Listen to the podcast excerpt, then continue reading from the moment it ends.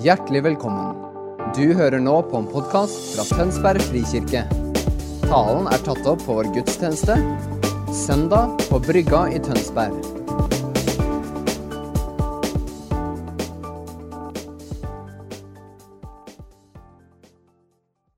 Og velkommen til alle dere som eh, er her. Det er jo en god flokk.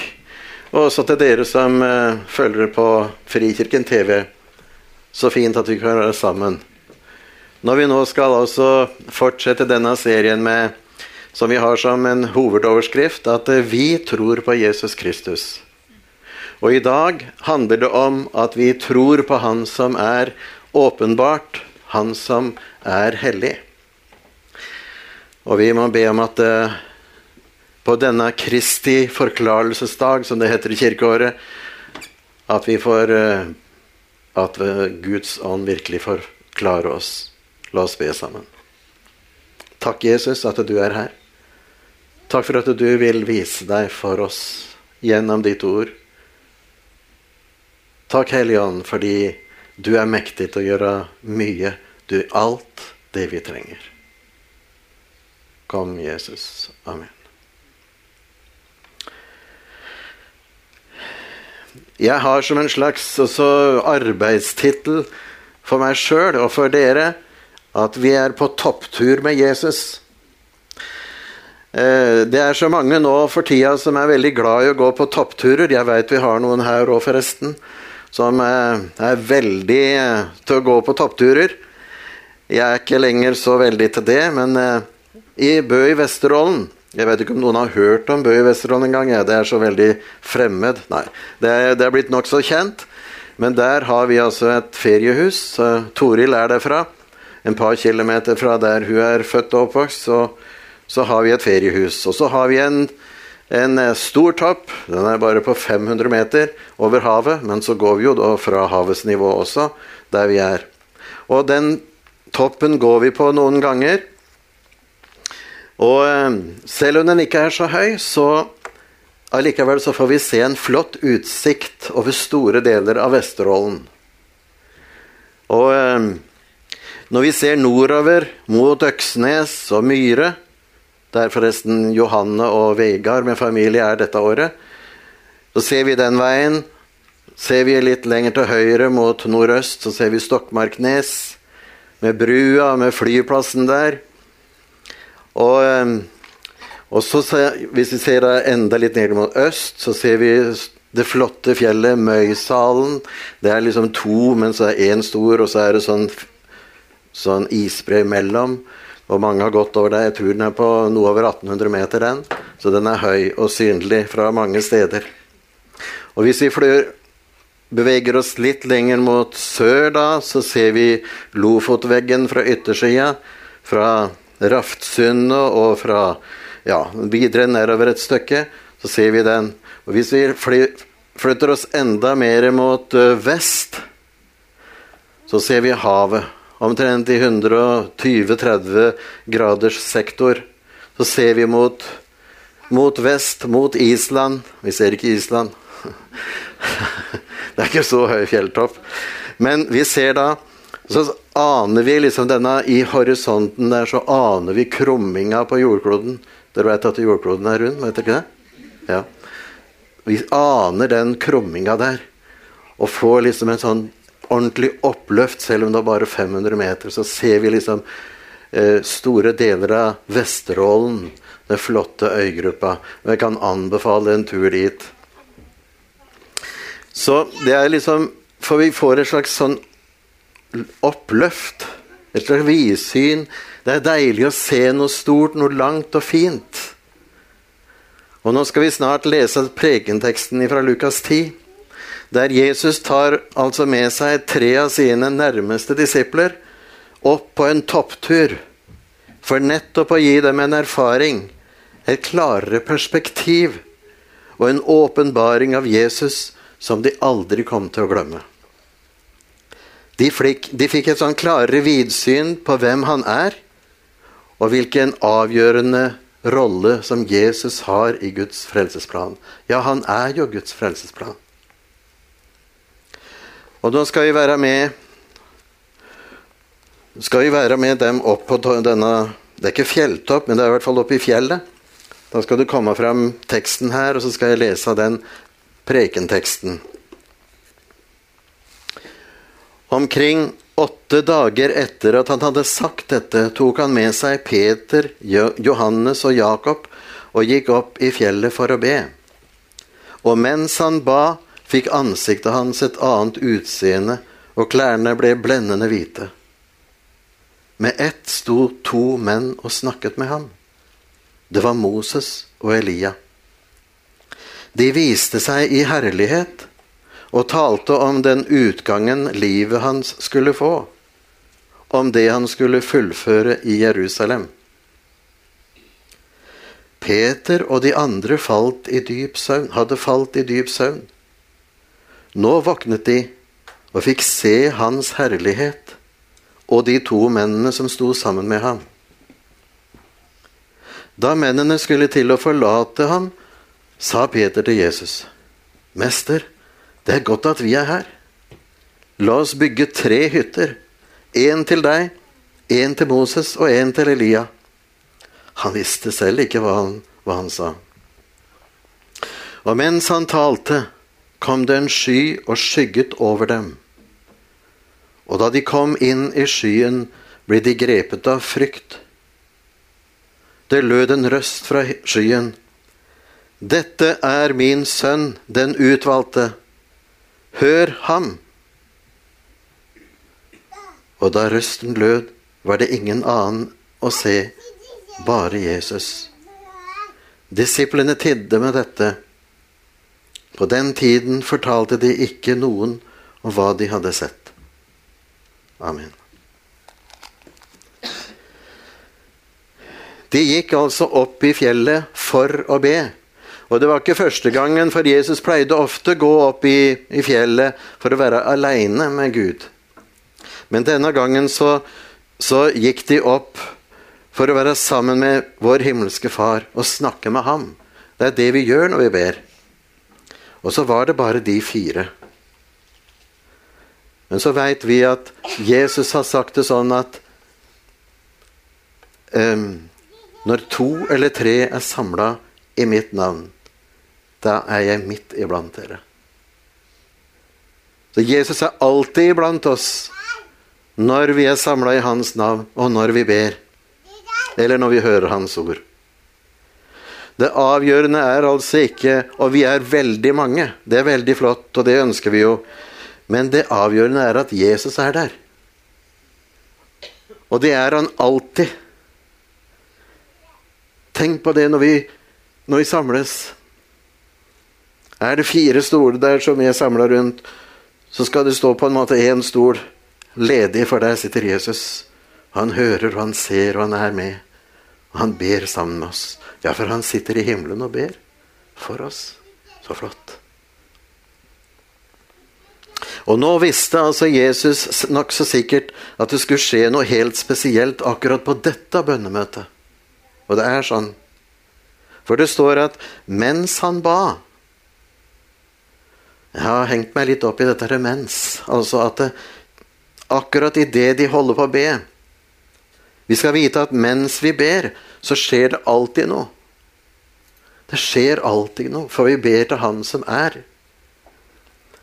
Selv om vi ikke merker noe, eller tenker noe spesielt, eller For Gud er jo der. Og han driver med det vi gjerne kan kalle for aktiv lytting. Han er både aktiv når han, han er lyttende, og han er aktiv når han lytter. For det går på en måte ut et svar allerede i det.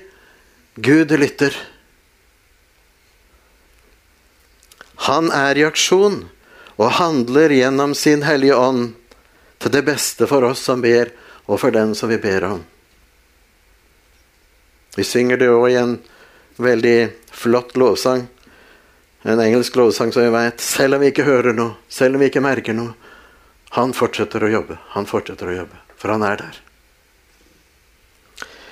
Og nå fikk altså ansiktet til Jesus Jesus fikk et helt nytt ansikt, sto det på en måte. Nå fikk ansiktet til Jesus et nytt, et annet utseende. De så altså noe i ansiktet hans som de ikke hadde sett før. Kanskje var det det, det som vi hører om i den aronittiske velsignelsen som vi alltid hører her. Herren la sitt ansikt lyse over deg og være deg nådig. Var det sjølve Guds nåde de så i dette ansiktet? Jeg tror det. Jeg, jeg tror de så den nådige Gud. Hans ansikt som lyste på dem på en spesiell måte. Og vi så hans herlighet, står det. En herlighet som den enbårne sønn har fra sin far, full av nåde og sannhet. Johannes skriver om det i kapittel 1, vers 14. Jeg tror de så Hans nåde. Det hadde de kanskje ikke sett så mye av. Jo, de hadde sett Hans, hans nåder, nådelige gjerninger på alle måter. Men nå så de det. Og så så de klærne hans. De blei blendende hvite, står det. De ble nok enda hvitere enn vi før kalte den gangen vi kjøpte Blenda. For å, ja, da ble det blenda hvitt. Dere som er unge, har vel ikke hørt om det, men sånn var det før. Men det står i de andre versjonene, for de er nesten helt like, det som, det som Matteus skriver, og det som, som Markus skriver. Der står at det var så hvitt at ingen kan klare å bleike de, disse klærne så hvite. Det var altså sånn hvite. De kunne nesten ikke se. Og da tenker jeg på Saulus som ble møtt av Jesus den gangen på veien til Damaskus, husker du? Han blei møtt med et blendende lys. Han blei blind. Jeg tror det var en Gud også ville at han skulle bli vind, for han hadde en mer plan, og det kan vi ikke snakke om nå, for det får vi ikke tid til. Men, men dette det var altså blendende hvitt. De fikk se den rene og hellige Gud. Med hans hellige, hvite drakt. Og med denne hellige drakta skulle han kle opp alle sine barn, når han hadde rensa seg et folk ved sin død for synden på korset og ved hans oppstandelse til det evige liv. Hans barn skulle bli kledd opp med Jesu herlighet. For det står i Galaterne 3,27.: Alle dere som er døpt til Kristus, har kledd dere i Kristus. Og han har ikke kledd oss i skitne klær. Det har vi ikke noe bruk for. Han har kledd oss i sine egne hvite, blendende klær. Blendende hvite klær. Hellighet. Og Derfor så kaller også Paulus oss, når han skriver til, til menighetene, til de hellige der og der og der. Til de hellige i Tønsberg frikirke, eller til deg som sitter, og hører på, eller sitter og hører på og ser. Du er hellig i Kristus. Og med denne drakta skal vi også stå i den hvite flokk og lovsynge Han som frelste oss, som vi også ble minnet om i dette brevet i stad. Og plutselig sto det to menn der og snakka med han. Og det var rett og slett Moses og Elia profeten ja, Moses er også en profet. Moses og Elia. Åssen visste de tre disiplene der at det var Moses og Elia?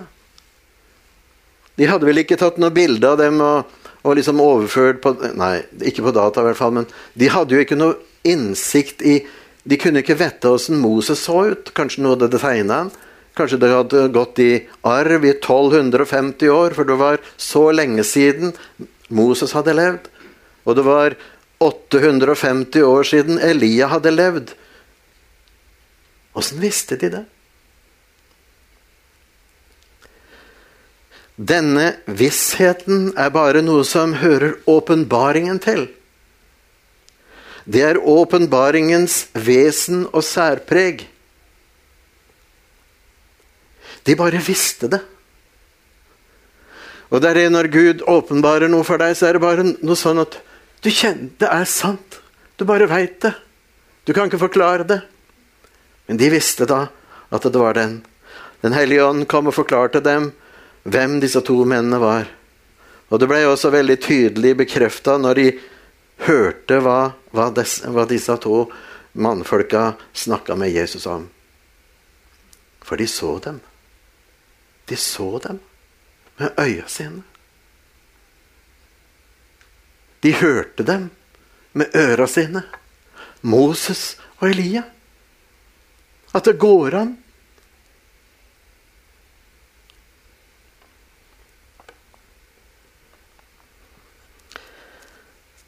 De viste seg i herlighet, står det. Altså Moses og Elia viste seg i herlighet. Det betyr at de viste seg i en himmelsk glans, de også. De var i en himmelstilværelse. I Guds himmel. Med Guds, med himmelens, med himmelske egenskaper. Ikke med Guds egenskaper, men himmelske egenskaper. For de var hos Gud.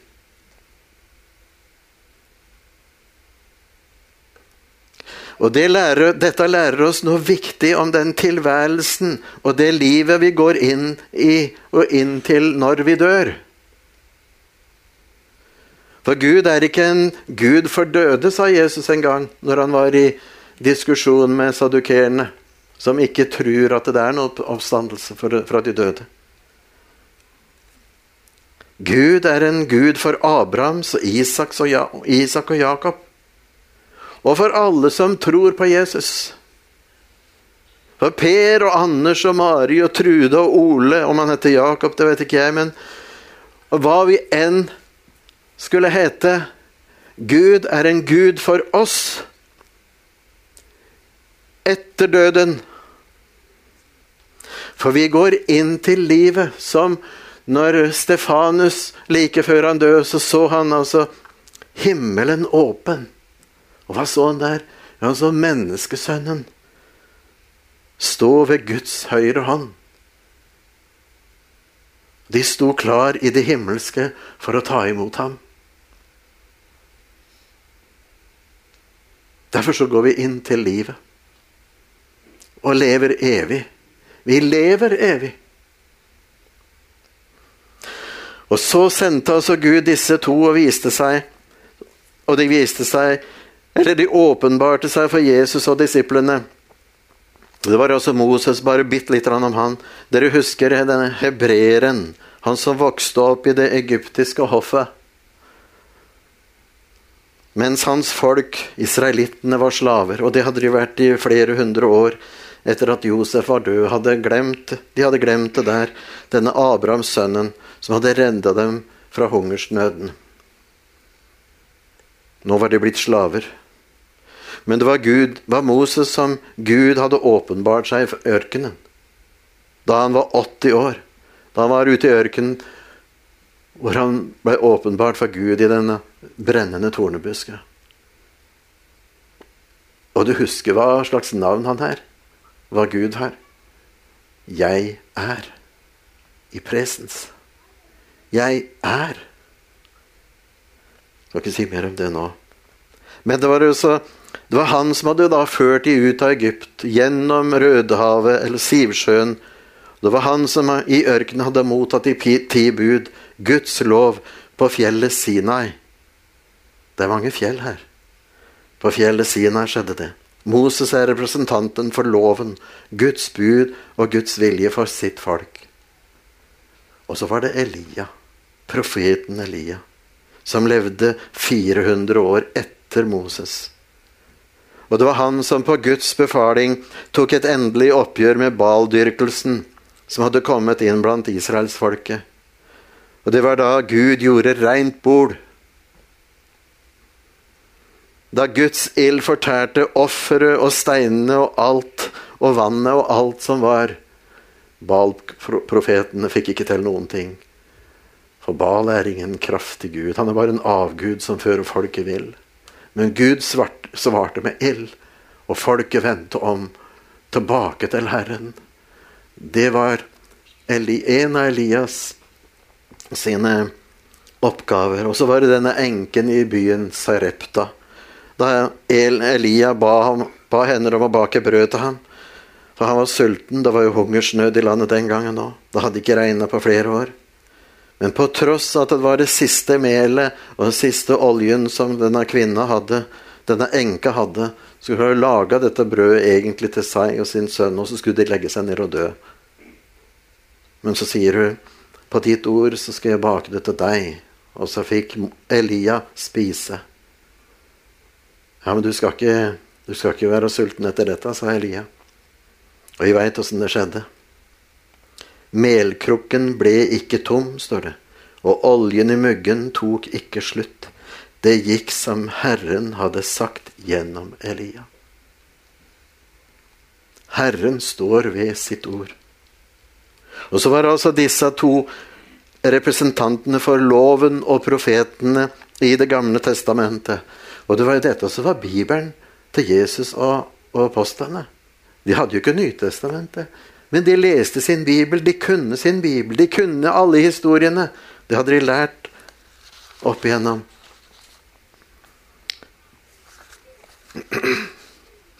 Og nå var det også disse to som sto og snakka.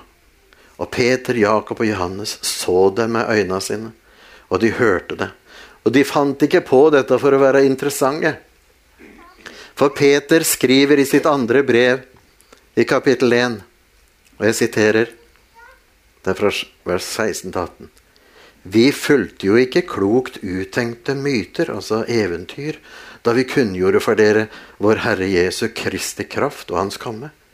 Nei, vi var øyenvitner og så Hans guddommelige storhet. For han fikk ære og herlighet av Gud sin far, den gang røsten lød over ham fra den høyeste herlighet. Dette er min sønn, den elskede, i ham har jeg min glede. Vi hørte selv denne røsten fra himmelen da vi var sammen med ham på det hellige fjellet. Nå skriver han altså dette og forteller om det som, som skjedde, som står i evangeliene. Vi skjønner at dette har gjort et mektig inntrykk på dem. Det har forandra dem. En åpenbaring av Jesus, av Gud, å høre røsten. Nå står det noe merkelig. Peter og de andre hadde falt i dyp søvn. De pleide visst å sovne på bønnemøtene, de. Ja, for du husker da de var sammen med Jesus i Getsemane når Jesus trengte støtte? Det var på kvelden eller natta. De sovna to ganger. De var så fulle av søvn. Der også.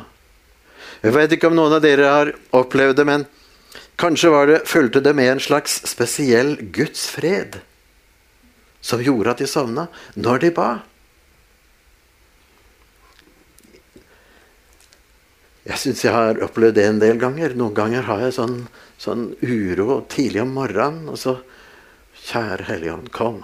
kom. Og så kanskje leser jeg et, et bibelvers. Jeg skrur på lyset og leser. Og så sovner jeg like etterpå. Eller når jeg har vært på møter hvor Gud har nært, vært nær til stede. Og liksom, det er sånn, Guds nærvær er så sterkt. Og jeg har sittet i benken og kjent at Gud er der. Og så synker jeg nesten tilbake og nesten sovner. Jeg har mange ganger tenkt Åh, nå trengte jeg virkelig å slappe av. Gud møtte meg på den måten. Kanskje var det det skjedde? Jeg vet ikke. Vi veit ikke noe om det. Bare la det være en sånn privat teori. Men jeg tror Gud gir en fred. Det veit vi i hvert fall. Guds fred som overgår all forstand. Han er til stede. Og også på dette bønnemøtet, altså. Men så våkna de, og så fikk de se Hans herlighet. Og de to mennene som sto med ham, de fikk se Hans herlighet. Og Som det står da i Johannes 1, 14. De fikk se Hans herlighet, en herlighet som den enbårne sønn har fra sin far. Full av nåde og sannhet. De så det. De fikk se han, at han er utstrålingen av Guds herlighet, som det står i Hebreerne 1.3. Han er utstrålingen av Guds herlighet og bildet av hans vesen. Hvis jeg tenker at Gud er den liksom sola, eller Gud er lys, står det jo. Så er altså Jesus som er, er den strålen som stråler ut Guds lys. Han er utstrålingen av Guds herlighet. Så når vi ser Jesus og hans herlighet, så ser vi egentlig Gud. Så jeg kommer tilbake til det. Jeg tenker sånn at Gud hadde arrangert dette her møtet, og det var han som hadde regien. Han som hadde regien over de, hva som skulle skje her, og hvilken oppgave som, Gud, som Jesus hadde, det skulle bli helt klart nå. Og Paulus skriver jo i Kolosserne 1,15 Han, altså Jesus, er den usynlige Guds bilde. Den førstefødte før alt det skapte. Det er ingen som virkelig har sett Gud, vår far. For han er usynlig. Ingen menneske kan se Gud og leve, står det. Derfor så måtte Gud også skjule seg for Moses. Vi som er syndere, kan ikke tåle å se med våre egne øyne den hellige Gud. Men de så allikevel Guds herlighet. Og noe av Guds hellighet ved at de så Jesus og hans herlighet, hans lysglans, hans doxa. Doxa er gresk og betyr utstrålingen, den strålingen av herlighetsutstrålingen. De så. Og her er vi inne på noe av selve mysteriet med Jesus. Det er umulig å forstå og forklare fullt ut.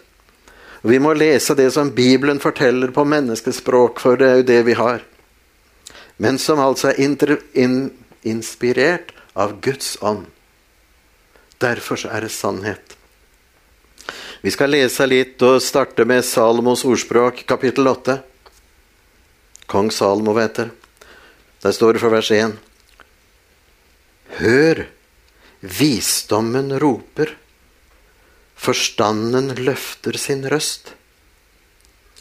Visdommen stiller seg på toppen av høydene, holdt på å si fjellene, ved veien der stiene møtes. Sånn starter det. Visdommen er altså her et egennavn. Visdommen er ikke bare et begrep om at det er noe vist, det er noe klokt og sånn, men visdommen er en person.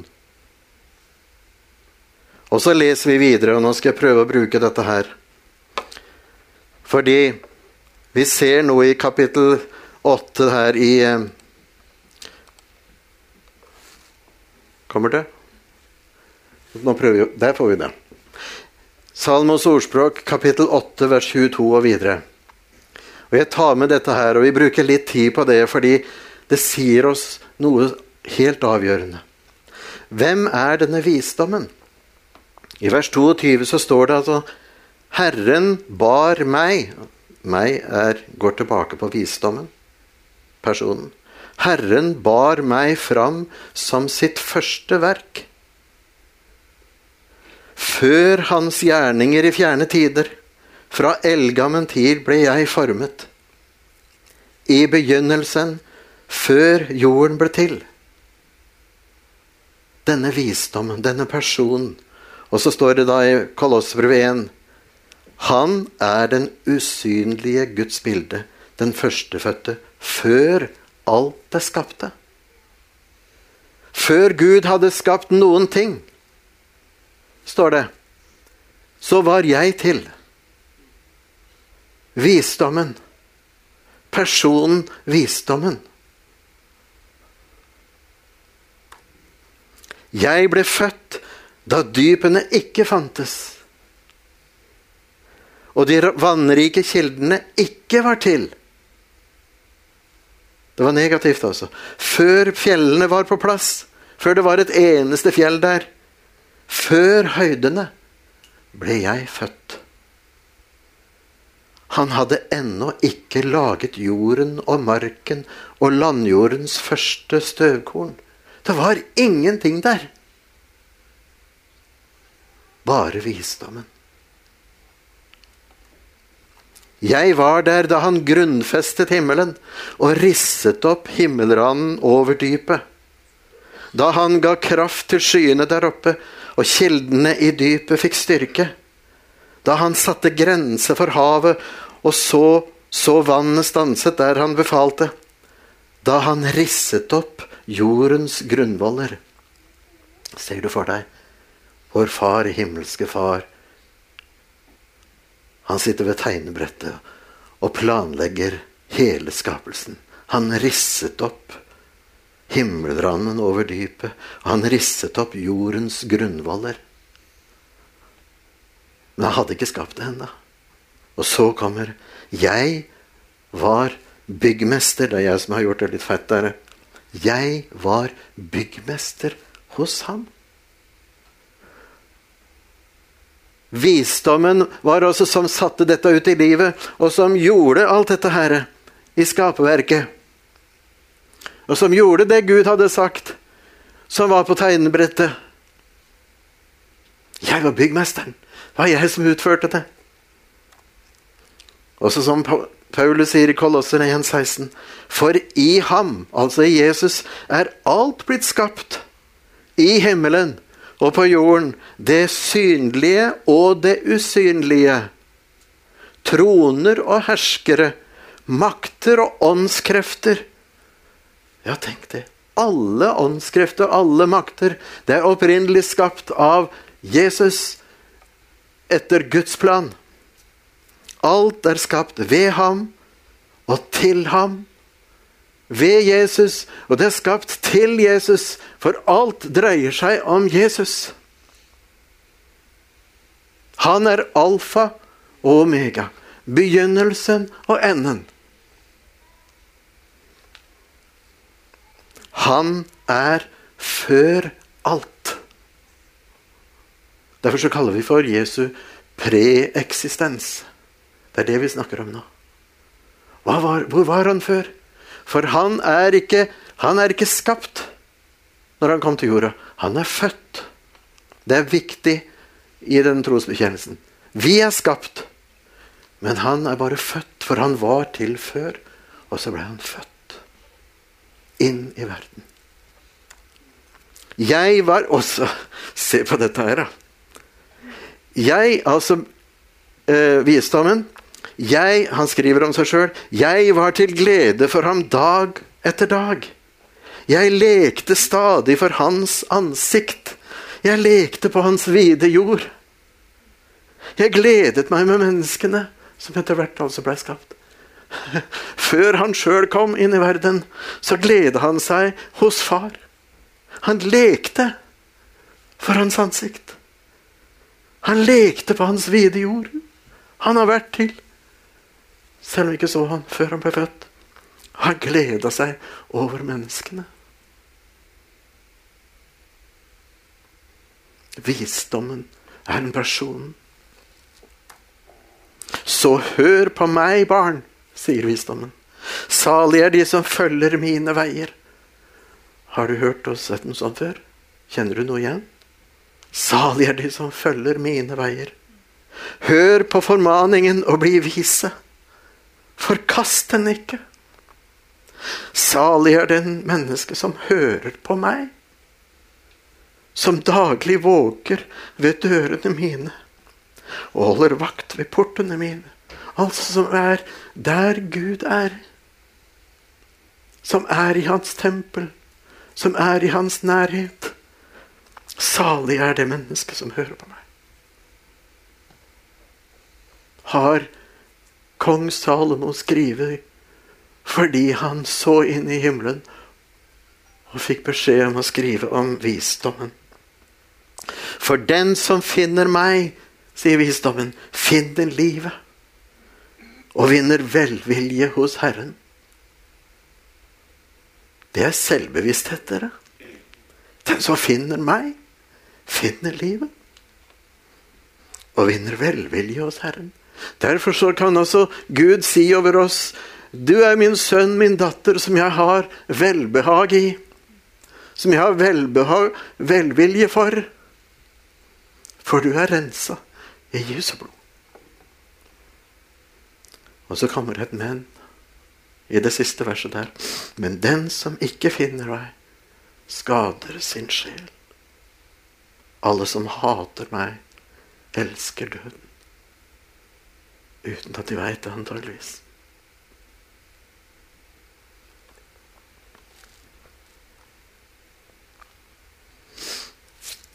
Unnskyld, jeg har rett for å gråte, skjønner du.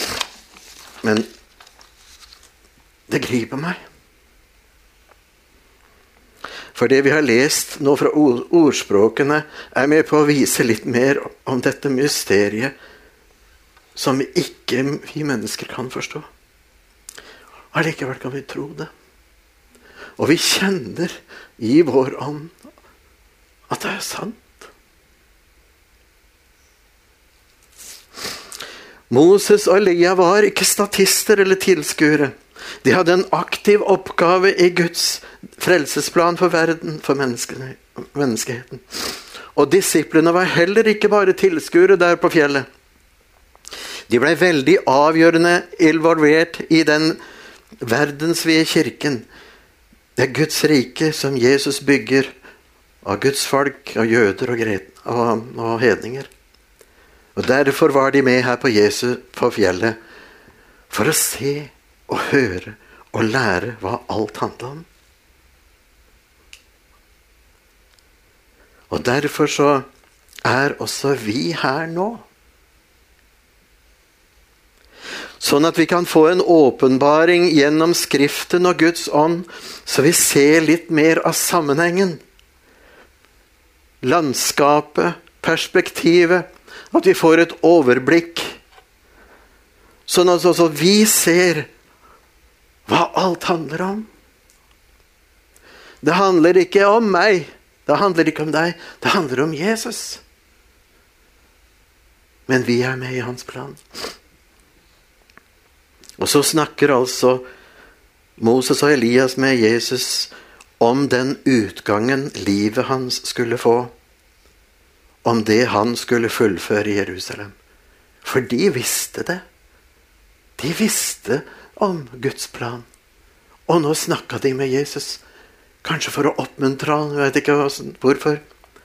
Men de snakka med han om det. Og de hørte hva, de snakka om.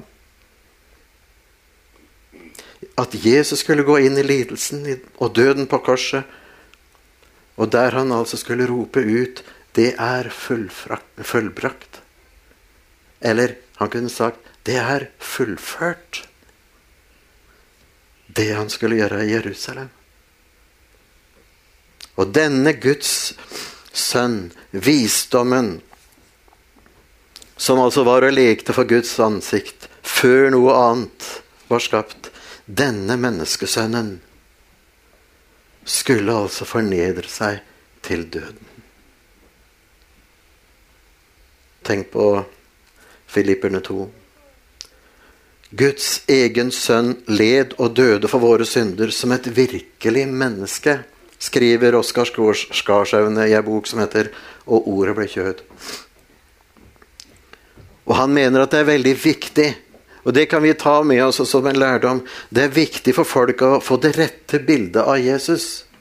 For noen sier han var en god lærer, han var inspirerende og alt dette her. Og han har lært oss mye, og han gjorde mye godt, osv.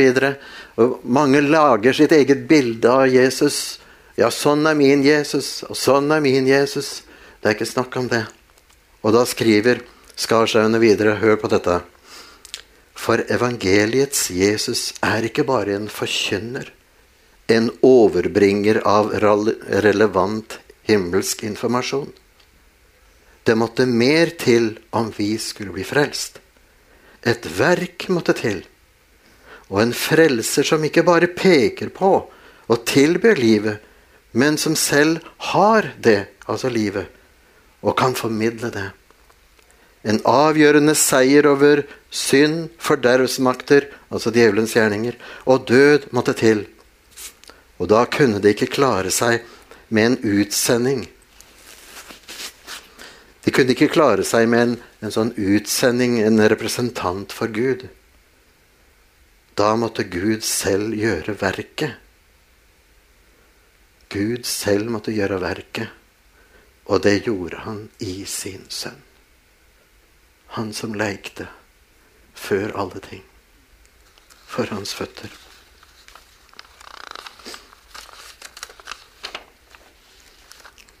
Derfor sendte Gud sin sønn. For så høyt har Gud elsket verden. At han ga sin sønn den enbårne, for at hver den som tror på ham, ikke skal gå fortapt og miste alt dette, men ha evig liv. Og så kan vi ikke slutte før vi har fått med det helt avgjørende i denne åpenbaringen på fjellet.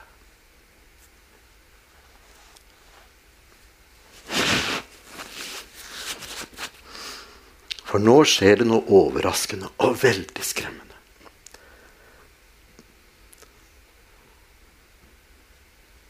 Når man kommer i Guds nærhet,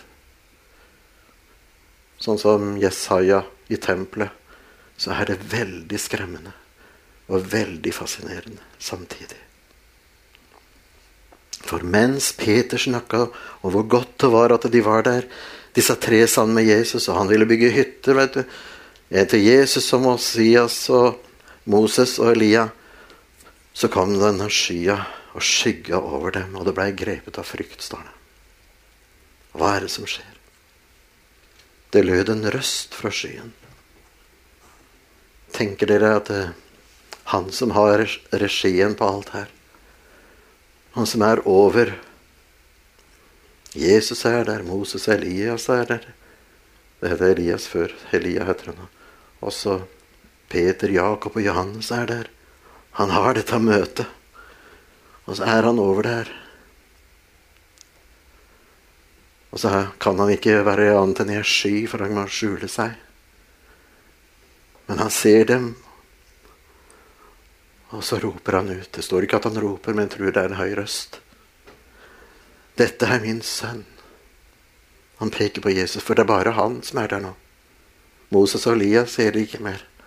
Det er bare han, Jesus. Dette er min sønn, den elskede. Hør den utvalgte, hør ham. Hos Markus står det 'den elskede'. Hos Matteus står det 'i ham har jeg min glede'. Og alle har 'hør ham'. Alle versjonene er sikkert riktig, tenkte jeg. For Gud gjorde kanskje et slags høreunder, sånn som på pinsedagen en versjon for hver av de tre. Det var én som hørte den utvalgte sønnen. Én hørte Guds elskede. Og én hørte han som han gleder seg over. For Gud var far en sterk bekreftelse i dette møtet. Han ville sjøl komme og være til stede her. Han sjøl ville være der i skya med sin egen stemme.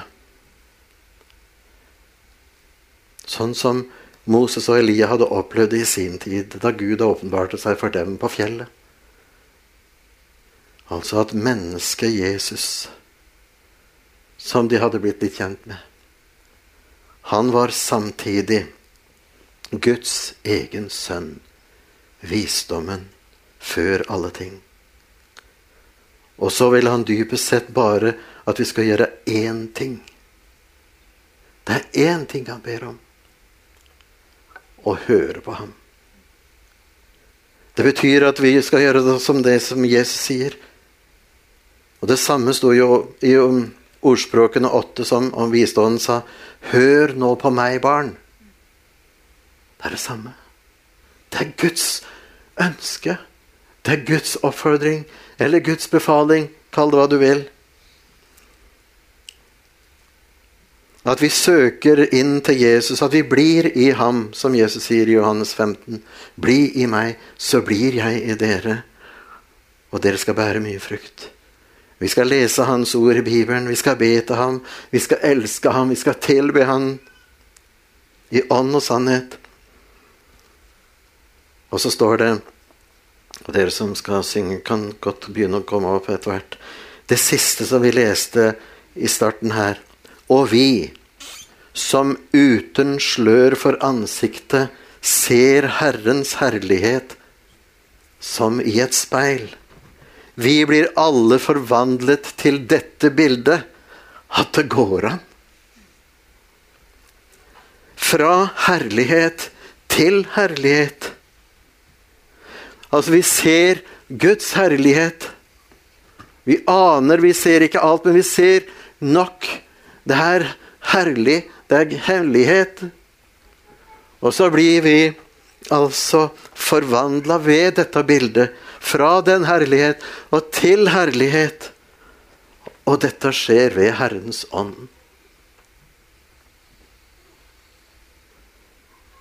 Tenk dere.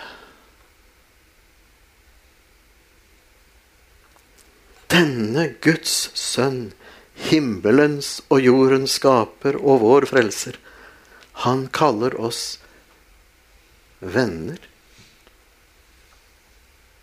Og vil ha et intimt, nært fellesskap med hver eneste av oss. Og han sier i Johannes 14.: Faderen og jeg vil åpenbare meg for ham. Stadig vil han åpenbare. Og vi har mye mer å se så lenge vi bor i denne verden. Og når vi kommer hjem, skal vi se ham som han er. Og vi skal bli ham helt lik. Skal vi våge oss med et lite halleluja? Takk, Jesus. Takk, Jesus.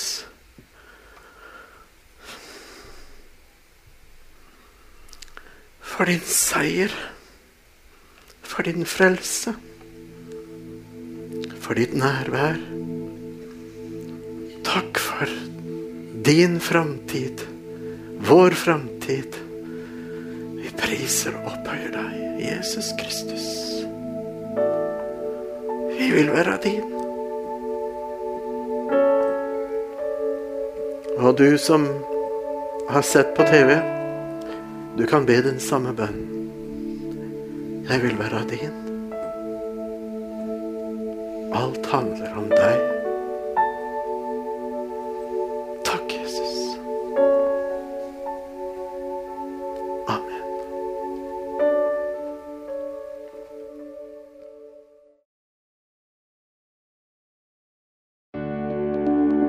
For at du hørte på vår podkast.